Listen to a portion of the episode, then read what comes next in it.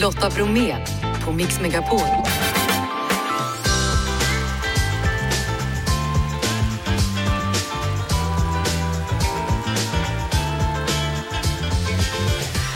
Där och varmt välkommen in till oss och en ny vecka. Måndag betyder som vanligt poddtips. Vi snackar också bokrea med Josefin Sundström för imorgon är det ju dags. Höjd inflation, men är det så egentligen? Vår vardagsekonom Magnus reder ut. Och dagens gäst är Martin Wallström, aktuell i nya Beck-filmen och på scen. Därför säger jag som alltid, redo Jeff? Jajamän. Janne! Jo då. Då kör vi det. Martin Wallström, varmt välkommen till Mix Megapol. Tack så mycket. Snart är det dags för teater, det blir en runda till då. Mm. 12 mars. Och än en gång, grattis till Beck-filmen att ni vann en Guldbagge. Tack så mycket. Eh, Ska vi köra fem snabba? Ja, gör det. Vi startar där. Mm. Krypa på golvet med Björn Kjellman eller Jaga skurkar med Kristoffer Hivju. Krypa på golvet just nu. Tatuering eller piercing. Helst inget av dem. Silverhjälm eller Rymd utan känslor. Oh, både och. Rami Malek eller Bill Skarsgård. Åh, det är svårt att välja. Får, får man en, en trio? Vill du ha trio? Ja, en trio alltså. Det blir jag, han, det blir jag, de två. Ja, det blir bra. Ja, Folklig eller hemlig? hemlig. En runda till eller nej tack, det är bra för mig tack. En runda till. Sådär ja. Ja, Jag läste någonstans att du brukar snöa in på olika saker, du kan få liksom specialintressen. Så vad är, vilket är det senaste? ja men jag, jag, det var nog värre förr.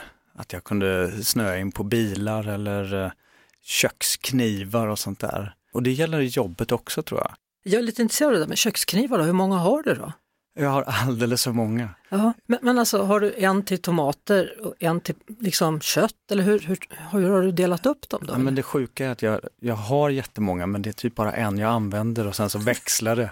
Så, men det finns alltid plats för några till så jag, jag är sådär, jag går och spanar i butiker och tänker. N- när du då snöar in på något projekt som du håller på med nu då, som en runda till, hur yttrar det sig? Det, det kan vara att det där kretsar i huvudet hela tiden. Jag satt i lördags, hade middag med några kompisar och så helt plötsligt kom jag på, just det, det är ju så man ska, det är ju så den repliken ska vara skriven. Så jag var tvungen att resa mig från bordet, gå bort till väskan, hämta manuset och så göra en liten, liten anteckning. Ah, det ska börja med så, inte och. Men det är ändå kul. Eller är det jobbigt? Alltså jag tror det är kanske värre för mina kompisar som satt på middagen som undrade, vad håller du på med nu då? Nej, jag ska bara anteckna en grej här, det, var en, det, det kom upp en sak. Ja. Eh, Repar en runda till har ju premiär då den 12 mars och, och senast du och jag pratades vid det var efter Guldbaggegalan och då hade ni vunnit för Beck. Då var det andra repdagen och ni kröp runt i varandras svett sa du då. Har, Mm. har du vant dig än eller? Jag har vant mig väldigt väl. Vi, eh, vi känner varandra bra nu och, och nu är vi fyra veckor in i repprocessen. Så nu har vi liksom kommit upp på fötter i alla fall. Du, jag har hört att du var tveksam på skådespeleriet från början. Ja, det var ju ett filmbolag som kom till eh, vår högstadieskola i Uddevalla och hade en provfilmning och jag skulle iväg på någon hike, möter min bildlärare i korridoren och så säger hon, eh, ska du gå på provfilmningen? Och jag var så, nej jag måste iväg på hiken. Varpå hon säger, jag tycker nog att du ska gå. Så, så den dagen du vinner din första Oscar kommer du tacka henne? Ja, men jag brukar vara ganska duktig på att Ja. tacka Ingrid Wockatz. Ehm, för det, det har ju, det är klart, hela mitt liv har ju blivit väldigt eh, format av det. Vad är det då som har fått dig att hålla dig kvar vid, vid scenen, tv, film? Vad är det i skådespeleriet som du tycker så mycket om? Det är en arena för att kunna uttrycka känslor. Jag tror det var det det var från första början. Och, och det där har nog varit lite speciellt för mig för att man har ju den här bilden eller gängse bilden av allt ljus på mig, jag ska stå längst fram. Och, men jag har aldrig haft det där riktigt. Jag, jag har mer tyckt om att vara i den där karaktären eller spela den där scenen. En, en karaktär som ligger långt ifrån mig själv. För då är det okej att ställa sig längst fram. Om du är en karaktär som vill ha allt ljus på sig, eller? Precis, jag är mindre blyg då. Det finns alltid ett motstånd. Vi pratar precis om det på repet här. Det finns alltid ett motstånd av att gå ut och ställa sig. Ja, det är lite gnidigt liksom. Hur blir man av med det? Ja, men jag tror att det är, det är som en, ett pirr som man behöver, som jag behöver. Ja, men det, det, det är lite läskigt. Och jag, jag gillar grejer som är lite läskigt. Vad annars har du på gång då framöver? Vad händer? Vad händer? Ja men nu ska vi göra premiär då på Scalateatern 12 mars och sen så kommer det en film på Netflix som heter Stöld som bygger på boken med samma namn. Och eh, den behandlar ämnet om eh, rasismen mot samerna. Så den gjorde vi för ett år sedan Mm. uppe i kallaste, kallaste norra Sverige. Och jag var ju uppe och träffade ganska många familjer som var otroligt drabbade av den här typen av rasism som de är utsatta för. Alltså genom renarna, hur man skjuter dem, kör över dem. Det, har ju också varit sådana saker som att de har skjutit i vägskyltar där det står på, på samiska. Och, Ja. ja, det är otroligt mycket, men det är, det är något som börjar lyftas upp mer och mer. Är du snäll eller otrevlig i den filmen? Jag skulle säga att det är en av de minst trevliga karaktärer jag har spelat. Så, så vad gör han? Vem är han i? Ja, han heter ju Robert och ehm, han, han bedriver ju en systematisk eh, tjuvjakt och eh, djurplågeri gentemot samernas renar på ett sätt som är, eh, ja det är otroligt mycket grymheter i, i filmen. Du verkar gilla tvära kast i rollerna. Mm. Men jag gillar ju att göra någonting som jag inte fått göra förut. Mm. Eller att byta riktning. Det behöver ju inte vara så att det varannan gång är det någon. Nej. Men det är klart, det är, ju, det är ju kul. Nu ska vi göra två nya Beck-filmer i vår och den här Josef som jag spelar. Som ju är väldigt mycket en person som går på magkänsla och säger vad han tycker. Och sen Peter och den här musikläraren jag rundar till. Mm. Som är otroligt försiktig och har nerverna på utsidan. Det är klart att, att det är roligt att få göra de där för det är också det som blir läskigt när man gör någonting som är lite nytt.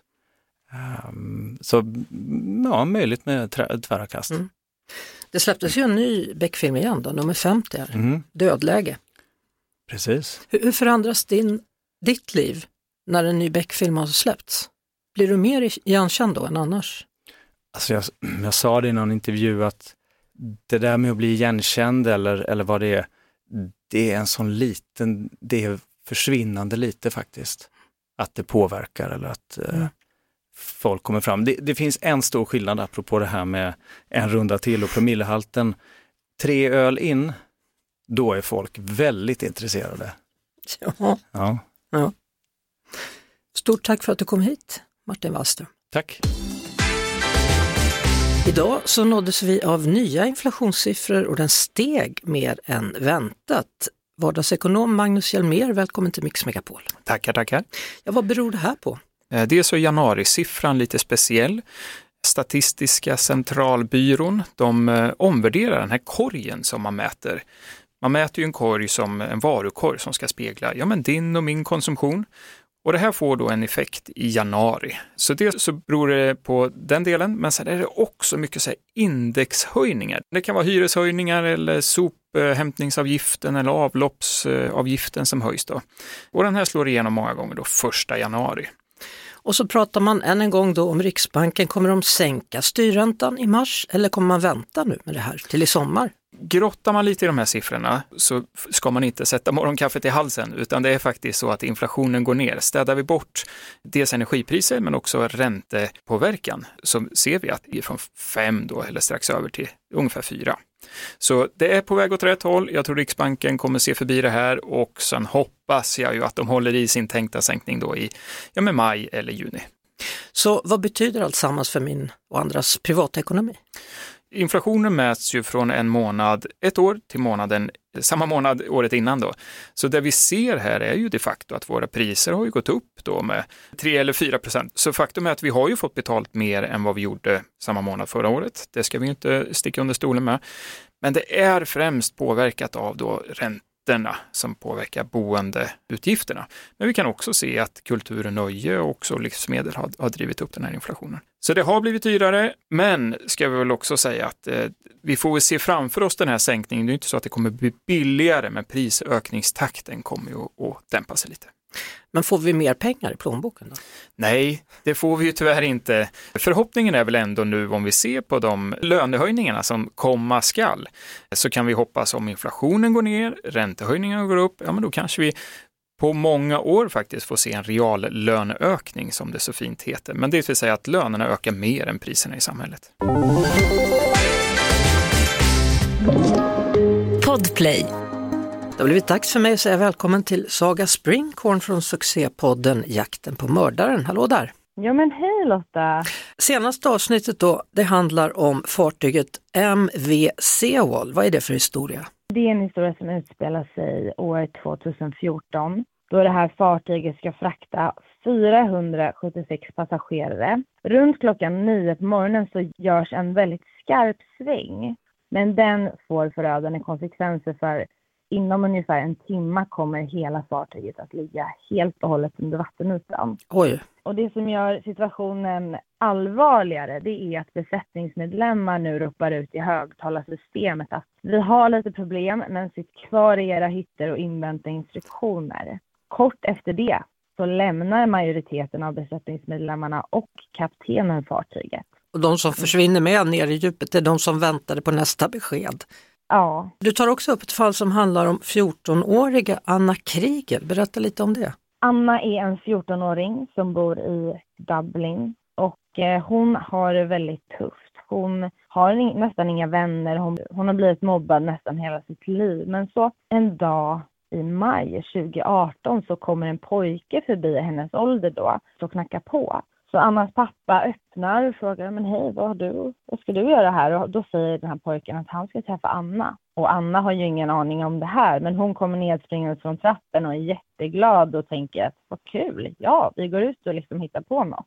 När Anna och den här pojken då lämnar hemmet så tittar pappan ut för dem och ser att pojken går liksom längre fram. Alltså är man kompisar kanske man går bredvid varandra och snackar, men han, så han tycker något är lite skumt. Men han får inte panik för det utan tänker ja, ja, det blir väl bra. Men en stund senare kommer Annas mamma hem och hon får faktiskt panik och börjar smsa och ringa Anna direkt och säga jag kontaktar polisen nu om du inte hör av dig.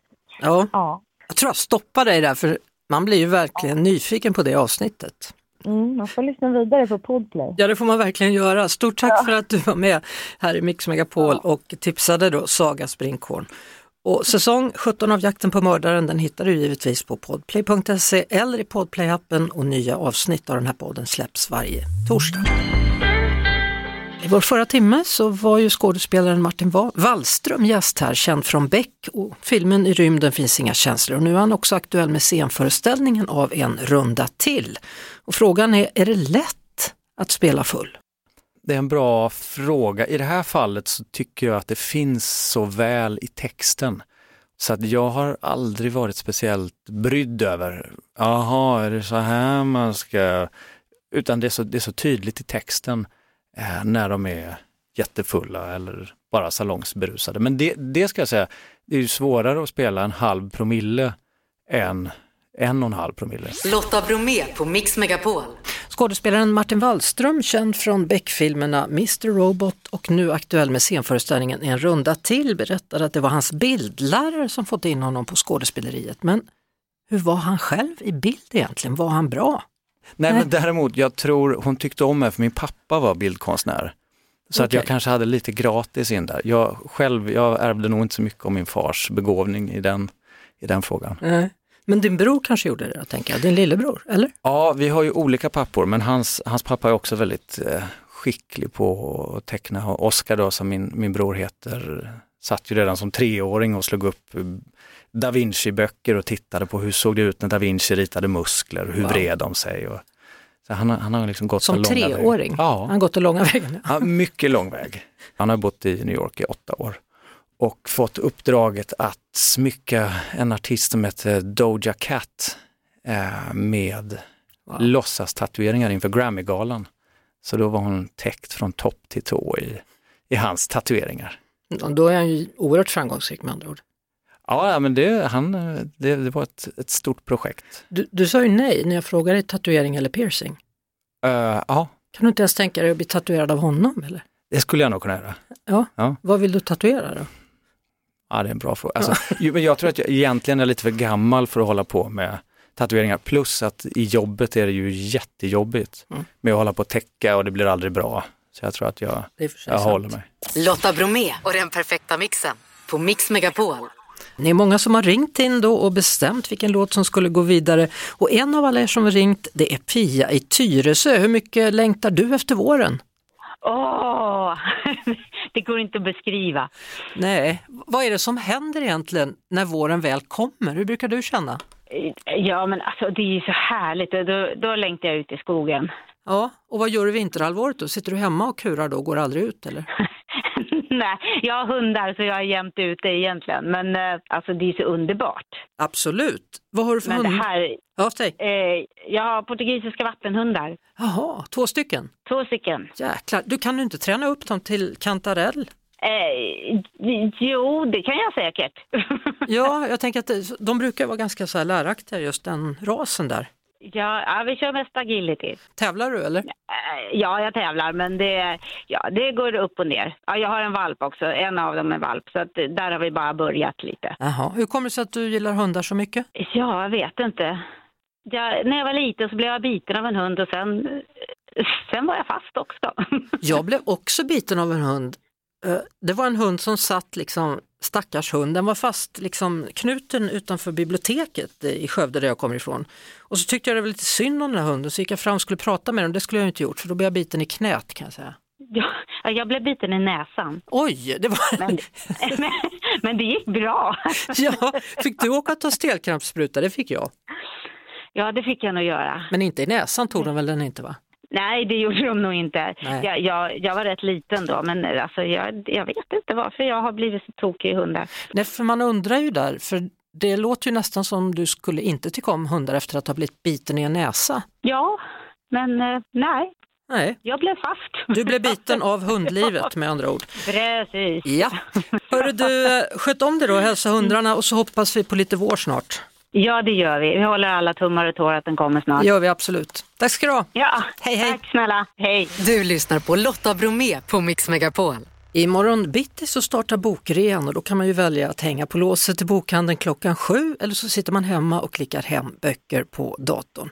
Eh, Josefin Sundström, välkommen till Mix Megapol. Tack så mycket Lotta. Hur tycker du att man bäst tar sig an bokrean? Man smiter liksom bara in i första bästa bokhandel. Jag tycker inte att man behöver vara där på morgonen och köa. Under bokrean är det ju perfekt att faktiskt gå in och känna på pappret. Liksom. Vad är det för böcker vi har? Hur tjocka är de? Hur ser bilderna ut? Och hur känns omslagen? Så jag tycker faktiskt man ska in i bokhandeln och kanske upptäcka någonting nytt. Vad är det som är i ropet just nu då? Är det en viss genre eller en författare? Det är väldigt blandat skulle jag säga. Det är mycket kokböcker som vanligt, kanske inte lika många, men det finns stora högar.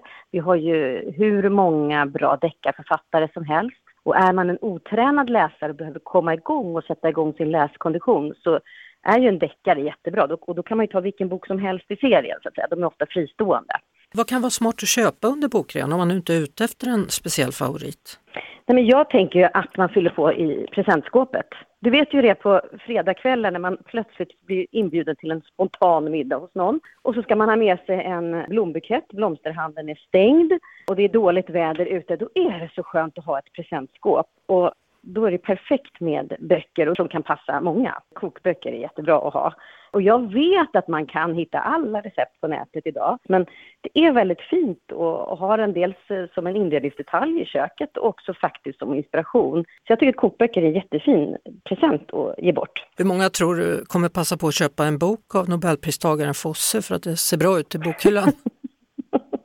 Ja, men jag tror att det är ganska många. Det har ju blivit så att en, en schysst bokhylla, det har ju blivit inne igen. Ett hem är liksom inte hemtrevligt förrän bokhyllan är där. Det tar ju både ljud och tillför mys i hemmet. Så att man vill nog ha en välfylld bokhylla som ser lite bra ut. Och då är det väl bra att slänga in en Fosse eller någon annan Nobelpristagare. Då kanske man tittar lite i den i alla fall. Stort tack Josefin Sundström, då får vi se imorgon då om vi stöter på varandra i bokhandeln eller ej. Tack, tack. Vi som har sänt de senaste tre timmarna här, vi tackar för oss denna dag. Det handlar om Elsa, Janne, Jeanette och Lotta och som vanligt producent Jeff Neumann. Imorgon, då gästas vi av Danny Saucedo. Ett poddtips från Podplay. I fallen jag aldrig glömmer djupdyker Hasse Aro i arbetet bakom några av Sveriges mest uppseendeväckande brottsutredningar. Går vi in med hemlig telefonavlyssning och, och då upplever vi att vi får en total förändring av hans beteende. Vad är det som händer nu? Vem är det som läcker? Och så säger han att jag är kriminell, jag har varit kriminell i hela mitt liv men att mörda ett barn, där går min gräns. Nya säsongen av Fallen jag aldrig glömmer på Podplay.